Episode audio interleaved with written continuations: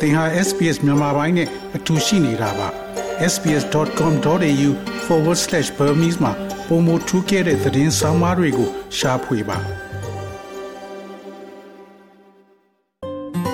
SBS မြန်မာပိုင်းကို အင်ကာနဲ့စနေနေ့ည10:00နာရီမှနားဆင်နိုင်တယ်လို့အွန်လိုင်းကနေလည်းအချိန်မီနားဆင်နိုင်ပါပြီ။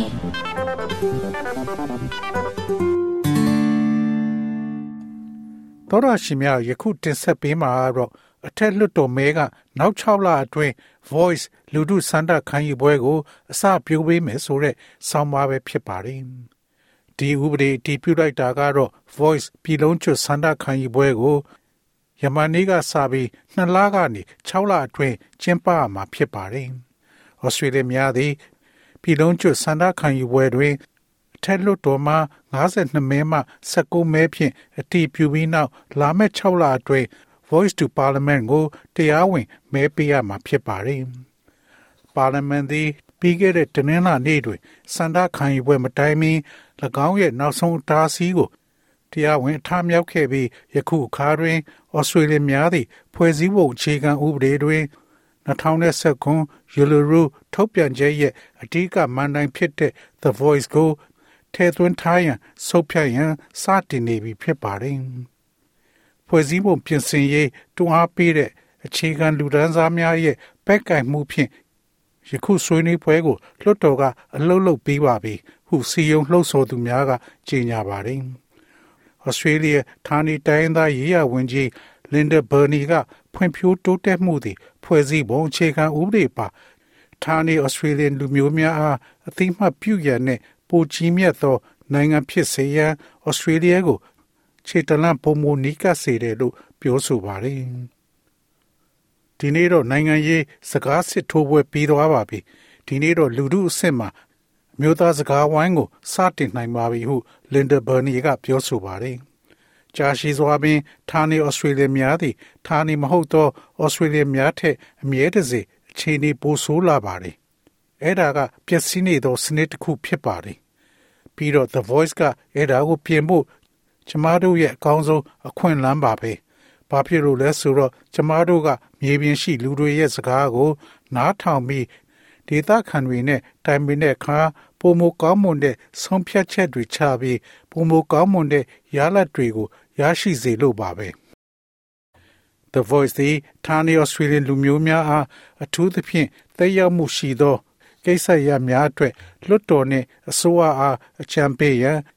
အခွင့်အရေးပေးတဲ့တသက်အကြံပေးအဖွဲ့ဖြစ်မယ်လို့ Labor ကအလေးပေးပြောဆိုပါတယ်။သို့သောအချို့သောဝေဖန်မှုများကမူအဆိုပါအဆိုပြုချက်သည်အန္တရာယ်တွေနဲ့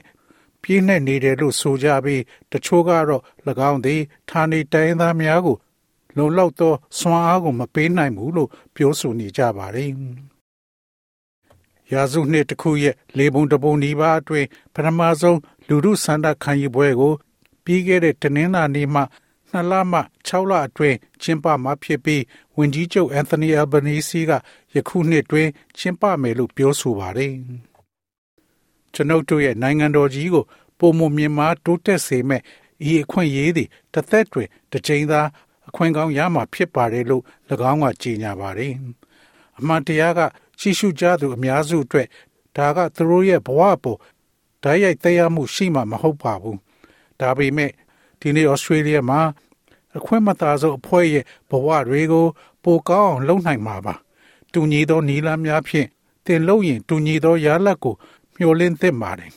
။ဒါကပိုကောင်းအောင်လုပ်ဖို့အခွင့်အရေးပါပဲ။ဌာနေဩစတြေးလျနိုင်ငံသားများအတွက်လှုပ်ဆောင်ရမယ့်အစားဌာနေဩစတြေးလျနိုင်ငံသားများကအပြောင်းလဲကိုလုပ်မှာပါ။ The Voice ကိုကန့်ကွက်ခဲ့တော်လဲညွန်ပေါင်းဖွဲ့သည် ပြီးခဲ့တဲ့တင်းနှင်းလာနေ့နာနဲ့တွင်အဆိုပါဥပဒေချမ်းကိုလက်မှတ်ရေးထိုးခဲ့ပါတယ်။ Liberal Party ရှေ့တာအမတ်မီရှယ်လကက်ရှာ Yes မဲသည်ဩစတြေးလျရဲ့ဖွဲ့စည်းပုံအခြေခံဥပဒေကိုယတိပြတ်ပယ်ဖြောက်နိုင်တယ်ဟုဆိုခဲ့ပြီး Labor Party သည်ကွဲလွဲနေသောအဖွဲ့ရဲ့လှုပ်ဆောင်ပုံနဲ့ပတ်သက်၍လုံလောက်သောအသေးစိတ်အချက်လက်များကို မဖော်ပြထားဘူးလို့သူမကပြောဆိုပါတယ်။ဒါပေမဲ့ကျမတို့ ဒီလူမျိုးနဲ့ဒီကိစ္စနဲ့ပတ်သက်ပြီးသူတို့ရဲ့ပြောပိုင်ခွင့်ကိုယုံကြည်ပါတယ်ဟု သူမကဆိုပါတယ်။ဒါကမသိသေးတဲ့အရာပါဒါကအမြဲတမ်းကွဲလွဲနေပါတယ် The Voice ကဘလို့အလုံးလုံးလည်းမသိရင်ကျမအမြင်ကတော့ vote no ပါပဲညွန်ပေါင်းဖွဲ့မှဌာနီဩစတြေးလျလူမျိုး ပြိုရေးဆိုခွင့်ရှိသူ Walt Beery Celtic အမျိုးသမီး Jacinda Price ကစန္ဒခံယူပွဲပြီးတွင် အသေးစိတ်အချက်လက်များကို ရှင်းထုတ်ရပါလီမန်လက်ထဲမှထားခဲ့ခြင်းသည်တရားဥပဒေဆိုင်ရာအနေများနဲ့ပြည့်နေနေရလို့စောရကတက်ခဲ့ပါတယ်။ဝန်ကြီးချုပ်ကသူဘာမှအာမခံမပေးနိုင်တဲ့သူ့ရဲ့ချက်လက်မှတ်ကိုလက်မှတ်ရေးထိုးပြီးအနေရှိတဲ့အဆိုပြုချက်တွေကိုဖွဲ့စည်းပုံအခြေခံဥပဒေမှာထားဝစဉ်ထည့်သွင်းခွင့်ပြုဖို့သူ့ကို မျက်စိမှိတ်ယုံကြည်စေလိုပါတယ်ဟု သူမကပြောဆိုပါတယ်။ယုံပေါင်းဖွဲ့ဝင်လက်တဆုပ်စာလောက်ကမဲဆန္ဒရှင်တွေကိုဝေငှမဲ့တရားဝင်ဆန္ဒခံယူပွဲလက်ကမ်းစာဆောင်မှာမပါတဲ့ကိစ္စအတွက်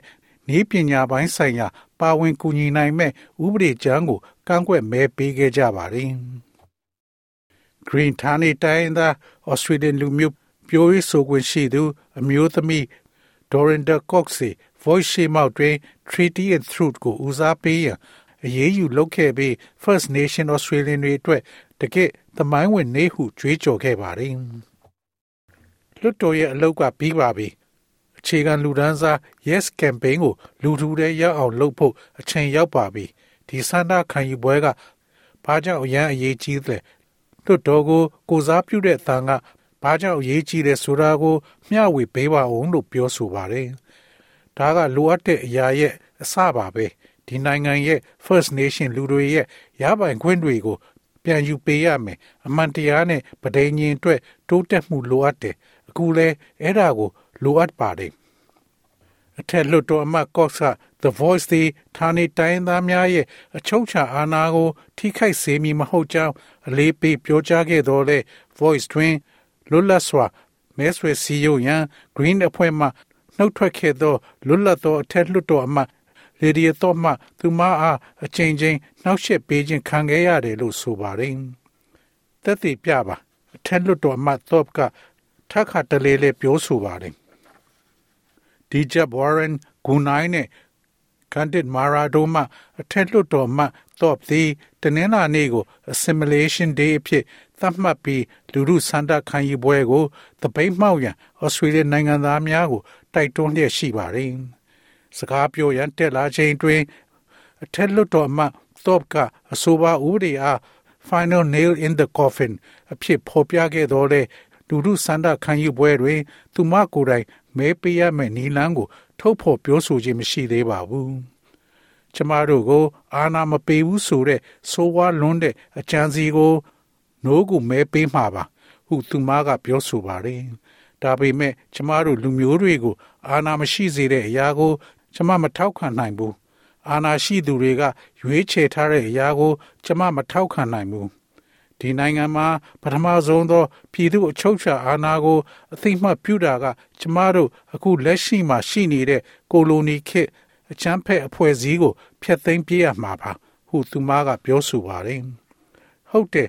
လောင်အိမ်တွေကိုစိတ်ဝင်နိုင်ဖို့လှုပ်ရမ်းဖို့ဒီနေရာကကိုစားပြုတဲ့အဖြူကြီးစိုးမှုကိုဖျက်ဆီးဖို့ကျမရောက်လာပါတယ်။စကားစစ်ထိုးပွဲအတွင်းဂါမင်ဟုစာသားပါသောတီရှပ်အင်ကြီးကိုဝတ်ဆင်ထားသည့်အထက်လွှတ်တော်အမတ်သော့သည် Royal Commission into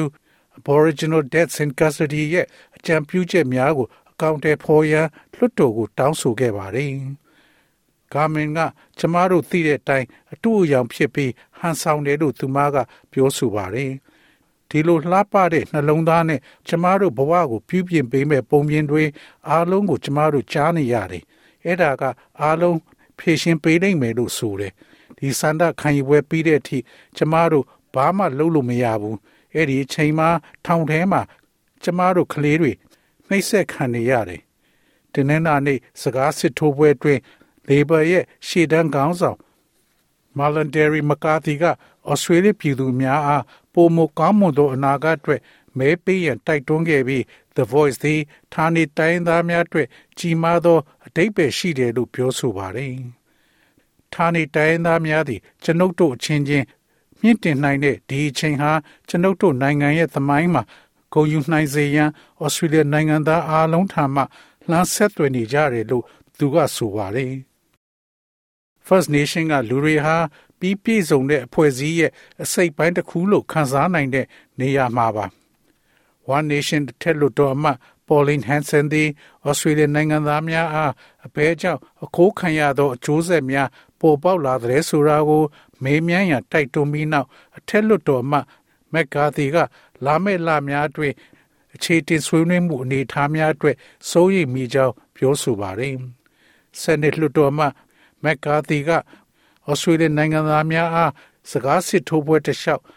ပုံမကောင်းမွန်သောဘက်ကိုနားထောင်ရန်တိုက်တွန်းခဲ့ပါတယ်။ဆက်လက်ဖြစ်ပေါ်နေတဲ့ဝေဖန်ချက်တချို့ကိုကြားလိုက်ရတဲ့အခါနည်းနည်းတော့စိုးရိမ်မိတယ်လို့သူကဆိုပါတယ်။ဒီဆွေးနွေးပွဲမှာဩစတြေးလျနိုင်ငံသားအားလုံးကိုနည်းနည်းနည်းနည်းတူးဆွကြည့်ဖို့ဒီစကေးလူပွဲတစ်လျှောက်ပုံမကောင်းမွန်တဲ့ဘက်ကိုနားထောင်ဖို့နဲ့လေးစားထိုက်တဲ့အဆင့်မှာဆက်ထားဖို့ ကျမတိုက်တွန်းနေတုံးပါပဲဒါမှသာလျှင်ကျမတို့ဟာနိုင်ငံတစ်ခုအနေနဲ့ဩစတြေးလျနိုင်ငံသားအဖြစ်နဲ့ပုံမကောင်းမွန်တဲ့အပိုင်းကိုကျမတို့ရှာဖွေနိုင်မှာပါအထက်လွတ်တော်မှဟန်ဆန်ဒီခိုးယူထားသောမျိုးဆက်များစွာက၎င်းတို့ကိုအဲ့ဒီလိုဖယ်ရှားခြင်းမရှိဘဲသူတို့မရှင်းသန်နိုင်ကြောင်းအစောပိုင်းကအခိုင်အမာပြောဆိုခဲ့ပါတယ်1998ခုနှစ် Bringing Them Home အစီအခံစာတွင်ဌာနေတိုင်းသားကလေးငယ်များကို၎င်းတို့ရဲ့နေအိမ်များမှဖယ်ရှားခြင်းသည်လူအခွင့်အရေးကိုဆိုးဝါးစွာချိုးဖောက်ကြောင်းတွေ့ရှိခဲ့ပါတယ်။ခေါ်ဆောင်သွားခံရသောကလေးများရဲ့သားစဉ်မျိုးဆက်များနဲ့အတူထောင်ကျခံနိုင်ရချေပုံများကကျန်းမာရေးပြဿနာများကြုံတွေ့ရပြီးအလောက်ကိုက်ရှားပွေနိုင်ခြင်းနှဲပါတယ်လို့ဆိုပါတယ်။ Mr. Albanese ကအထက်လွှတ်တော်အမတ် Hanson ရဲ့မှတ်ချက်ကိုပကြားမိတော်လဲ၎င်းတို့သည်ရခင်ကသူမပြောခဲ့တဲ့စကားများနဲ့ကိုက်ညီတယ်လို့ယူဆပါတယ်။သူ့ကိုတုတ်ပြန်ဖို့ကျွန်တော်မရည်ရွယ်ပါဘူး။ဘာကြောင့်လဲဆိုတော့သူကဝင်ကြီးချုပ်ရဲ့တုံ့ပြန်မှုနဲ့မထိုက်တန်ဘူးလို့ထင်ပါတယ်။ဗုဒ္ဓအဖွဲ့တစ်ခုလုံးလေးစားစွာငင်းခုန်ကြဖို့တိုက်တွန်းချင်ပါတယ်။ဟုသူကပြောဆိုပါတယ်။ ပြည်သူလူထုကဘယ်လိုမဲပေးနေပါစေအမှန်တရားကိုဆွဲဆွဲမြဲမြဲလိုက်နာဖို့သူတို့သိထားတဲ့အရာတွေကိုအမှန်တိုင်းပြောမိအောင်အစွမ်းကုန်စ조사သင့်ပါတယ်ဟုသူကပြောဆိုပါတယ်ပြည်လုံးကျွတ်စန္ဒခံယူပွဲများကိုအများစုနှစ်ဆဟုခေါ်တဲ့စုစုပေါင်းအများစုနဲ့ပြည်내အများစုတွင်အများစုတို့ကအတည်ပြုမှာဖြစ်ပါတယ် Northern Territory နဲ့ ACT မှာနေထိုင်သူများသည် နောက်ဆုံးတွင် သူတို့ကိုထည့်သွင်းမတွက်ပါဘူးတတိပုဂ္ဂလထက်လွတ်တော်မှ David Pocock က ACT နဲ့ Northern Territory တွင်နေထိုင်သူများသည့်ဒန်းတူမဲများမရှိကြဘူးလို့အလေးပေးပြောဆိုပါတယ်အထက်လွတ်တော်မှ Pocock က coalition ဖွဲ့ရဲ့စန္ဒခံယူပွဲအားကင်ဘရာအသံဖြစ်ပြောင်ပြောင်တင်းတင်းမမမကန်ဖြစ်သတ်မှတ်ဖော်ပြမှုကို ဖြစ်တင်ပြောဆိုပါတယ် ဒါဟာဩစတြေးလျရဲ့သမိုင်းမှာတိုင်ပင်ဆွေးနွေးမှုအများဆုံးလုပ်ငန်းစဉ်တွေထဲကတစ်ခုရဲ့ရလတ်ပါပဲဟုတ်ပါတယ်မပျက်စီးရင်မပြင်ပါနဲ့ဒါပေမဲ့ပြက်သွားရင်တော့ပြုပြင်ဖို့လိုအပ်တယ်ဒါကပြင်ဖို့အခွင့်အရေးပါပဲလို့သူကပြောဆိုပါတယ်ပါလီမန်သို့ဌာနေတိုင်းသားများရဲ့အတန်းသည်2018ခုနှစ်တွင်ဌာနေခေါင်းဆောင်များထုတ်ပြန်ခဲ့သော Uluru Statement ရဲ့တောင်းဆိုချက်တစ်ခုဖြစ်ပါတယ်။ ယခုနှစ်နှောင်းပိုင်းတွင်စန္ဒခံယူပွဲ၌ဩစတြေးလျနိုင်ငံသားများအား yes သို့မဟုတ် no မဲပေးခြင်းဖြင့်မေးမြန်းမှာဖြစ်ပါတယ်။ပါလီမန်အတွက်အမြဲတမ်းအမိခိုကင်းတဲ့ဖွဲ့စည်းပုံအခြေခံကို ပြင်ဆင်ဖို့ဖွဲ့စည်းပုံကို ထောက်ခံပါလား။ဌာနေဩစတြေးလျလူမျိုးများကိုကျိုးသက်ရောက်တဲ့ကိစ္စရပ်များအတွက်အကြံပေးရန်ဖက်ဒရယ်ဆိုအကိုခွင့်ပြုပါတယ်။ model ရဲ့ design နဲ့အသေးစိတ်အချက်လက်များကိုပြည်လုံးကျွတ်ဆန္ဒခံယူပွဲအောင်မြင်စွာကျင်းပပြီးစီးပါကလွှတ်တော်တွင်လွှတ်တော်အမတ်များကဆုံးဖြတ်မှာဖြစ်ပါတယ်။ Aboriginal နဲ့ Torres Strait Islander လူမျိုးများတွေ့ကြုံခံစားရသောဆင်းရဲနွမ်းပါသော ကျန်းမာရေးလူမှုစီးပွားရေးနဲ့လူသက်တမျှော်မှန်းချက်ရလဒ်များကို ပြတ်မှတ်ထားရန်အဆိုပြုချက်သည်လိုအပ်သော circuit breaker ဖြစ်လိမ့်မယ်လို့သူမယုံကြည်ကြောင်း Miss Burney ကပြောဆိုပါတယ်။ကျမ်းမာရေးလူမှုရေးနဲ့ကျမ်းမာရေးဆိုင်ရာတိုင်းထွာချက်များဆိုင်ရာဌာနေတိုင်းရင်းသားများနှင့်ဒေသခံမဟုတ်သောဩစတြေးလျနိုင်ငံသားများကြားကွာဟာချက်ကိုခြေရခံတဲ့ update တစ်ခုတွင်ပြီးခဲ့တဲ့သတင်းပတ်ကထုတ်ပြန်ခဲ့တဲ့စက်ကိုမှုနဲ့လေးခုသာလမ်းကြောင်းပေါ်မှာရှိနေကြောင်းပြသခဲ့ပါတယ်။ဖွဲ့စည်းပုံဆိုင်ရာအပြောင်းလဲကိုစောင့်ကျင်လာပြီးကွာဟာချက်ကို ပိတ်လို့တဲ့ပြဿနာတွေအတွက်ဒိုင်ခွက်ကို ရွှေပွေးမှာပါဟုသူမကပြောဆိုပါတယ်။အာနာသည်အခြေခံမှုများအတွင်း၌တည်ရှိသည်၎င်းတွင်စတင်ရကြီးမားသော ကိုကျင့်တရားဆိုင်ရာ အခွင့်အာဏာရှိပါတယ်။စီမင်းများကိုစဉ်းစားကြည့်ပါ၎င်းသည် အမိခိုကင်းမှဖြစ်ပြီး၎င်းသည် ပါလီမန်ကိုသာမကဖက်ဒရယ်ဆိုအကိုပါလွတ်လပ်သောအကြံပေးမှဖြစ်ပါတယ်။ဒါဟာတာဝန်ခံမှုရှိမယ်။ ဟန်ချက်ညီမယ်။လူမှုရေးအဖွဲ့ကဥဆောင်မယ်။အခုလက်ရှိရှိနေတဲ့ဖွဲ့စည်းပုံတွေနဲ့အဖွဲ့အစည်းတွေအတွင်းမှာတည်ရှိပါလိမ့်မယ်။ National Party ကောင်းဆောင် David Littleproud က၎င်းရဲ့ပါတီသည်လွှတ်တော်သို့မဲမပေးဖို့မဲဆွယ်စည်းရုံးမည်ဟုပြီးခဲ့တဲ့နှစ်နိုဝင်ဘာလတွင်ကြေညာခဲ့ပါသည်ထိုချိန်တွင်အဆိုပြုချက်သည်ကွာဟချက်ကိုစင်မန်းစွာပိတ်သွားလိမ့်မယ်လို့မထင်ခဲ့ဘူးလို့သူကဆိုပါတယ် ထိုရည်တည်ချက်ကို သူလက်ခံနေဆဲဖြစ်ပြီး၎င်းဖြည့်ရှင်းချက်သည်အခြေခံဥပဒေအရ Voice to Parliament မလိုအပ်ဟုယုံကြည်ကြောင်း၎င်းကပြောဆိုပါတယ်ဖြည့်ရှင်းချက်သည်ဖွဲ့စည်းပုံအခြေခံဥပဒေအရပြဋ္ဌာန်းထားသော Voice to Parliament ကိုမလိုအပ်ပါဘူးအစိုးရတွေကဒီကွာဟာချက်ကိုပိတ်ရန်ကို ဖြည့်ရှင်းဖို့ဒေါ်လာဘီလီယံနဲ့ချီလောင်းထည့်ခဲ့ကြပေမဲ့ကျွန်တော်တို့ကအဲ့ဒါကိုမှားယွင်းစွာ လှုပ်ဆောင်ခဲ့ပါတယ်ဟု၎င်းက ABC Radio ကို ပြောဆိုပါတယ်။ဒန်းတူညီမျှရေးဆိုတဲ့ရည်ရွယ်ချက်ကအမြဲရှိနေတယ်။အဲ့ဒါကိုအကောင့်တွေဖော်ယုံပါပဲဟု၎င်းကပြောဆိုပါတယ်။စနစ်နဲ့ကြော်ကြားညွန်ပေါင်းအစိုးရအတွင်းသူ့ပါတီသည်မအောင်မြင်သောချီးကပ်မှုတွေပြဿနာရဲ့တစိမ့်တစ်ပိုင်းဖြစ်ကြောင်းဝန်ခံပြောဆိုပါတယ်။ကျုပ်တို့မအောင်မြင်ခဲ့ပါဘူး။ဆွဲဆောင်မှုရှိတဲ့အစိုးရတွေကြာရှုံးတယ်လို့မ ပြောချင်ပါဘူး။ဘျူရိုကရေစီကိုဖယ်ထုတ်လိုက်မယ်ဆိုရင်ကွာဟာချက်တွေကိုပိတ်နိုင်မှာပါ။ Voice to Parliament မလိုပါဘူး။အဖြေကိုရရွာအဆင့်တွင် ဖြည့်ရှင်းချက်များပါဝင်တယ်လို့၎င်းကပြောဆိုပါတယ်။အဲဒီမှာဒေတာအစစ်မဟုတ်ပဲဒေတာခံရရွာကအကြီးကဲတွေကစိတ်ဆက်ပြီးလုတ်ပိုင်ခွင့်ပေးဖို့လိုပါတယ်အဲ့ဒါကဘီရိုကရက်တွေကိုကင်ဘရာကနေခေါ်ထုတ်ပြီးမြို့တော်ခမ်းမတွေနဲ့ မိဘဝိုင်းတွေကိုတွားခိုင်းပြီးအဲ့ဒီလူကြီးတွေရဲ့စကားကိုနားထောင်ဖို့အကြောင်းရင်းပါပဲတော်ရရှိမြခင် SPS Radio က Finn McHugh နဲ့ Biwa Kano ရဲ့ဆောင်းပါးကိုဘာသာပြန်တင်ဆက်ပေးထားတာဖြစ်ပါတယ်ခင်ဗျာ SBS မြန်မာပိုင်းကို အင်ကာနဲ့စနေနေ့ည10:00နာရီမှနားဆင်နိုင်ပါတယ်။နားဆင်နိုင်တဲ့နည်းလမ်းအများကြီးရှိပါတယ်။ Radio Digital TV Online ဒါမှမဟုတ် SBS Radio App ကနေတဆင့်နားဆင်နိုင်ပါတယ်။ SBS မြန်မာပိုင်းအစီအစဉ်ဖြစ်ပါတယ်ရှင်။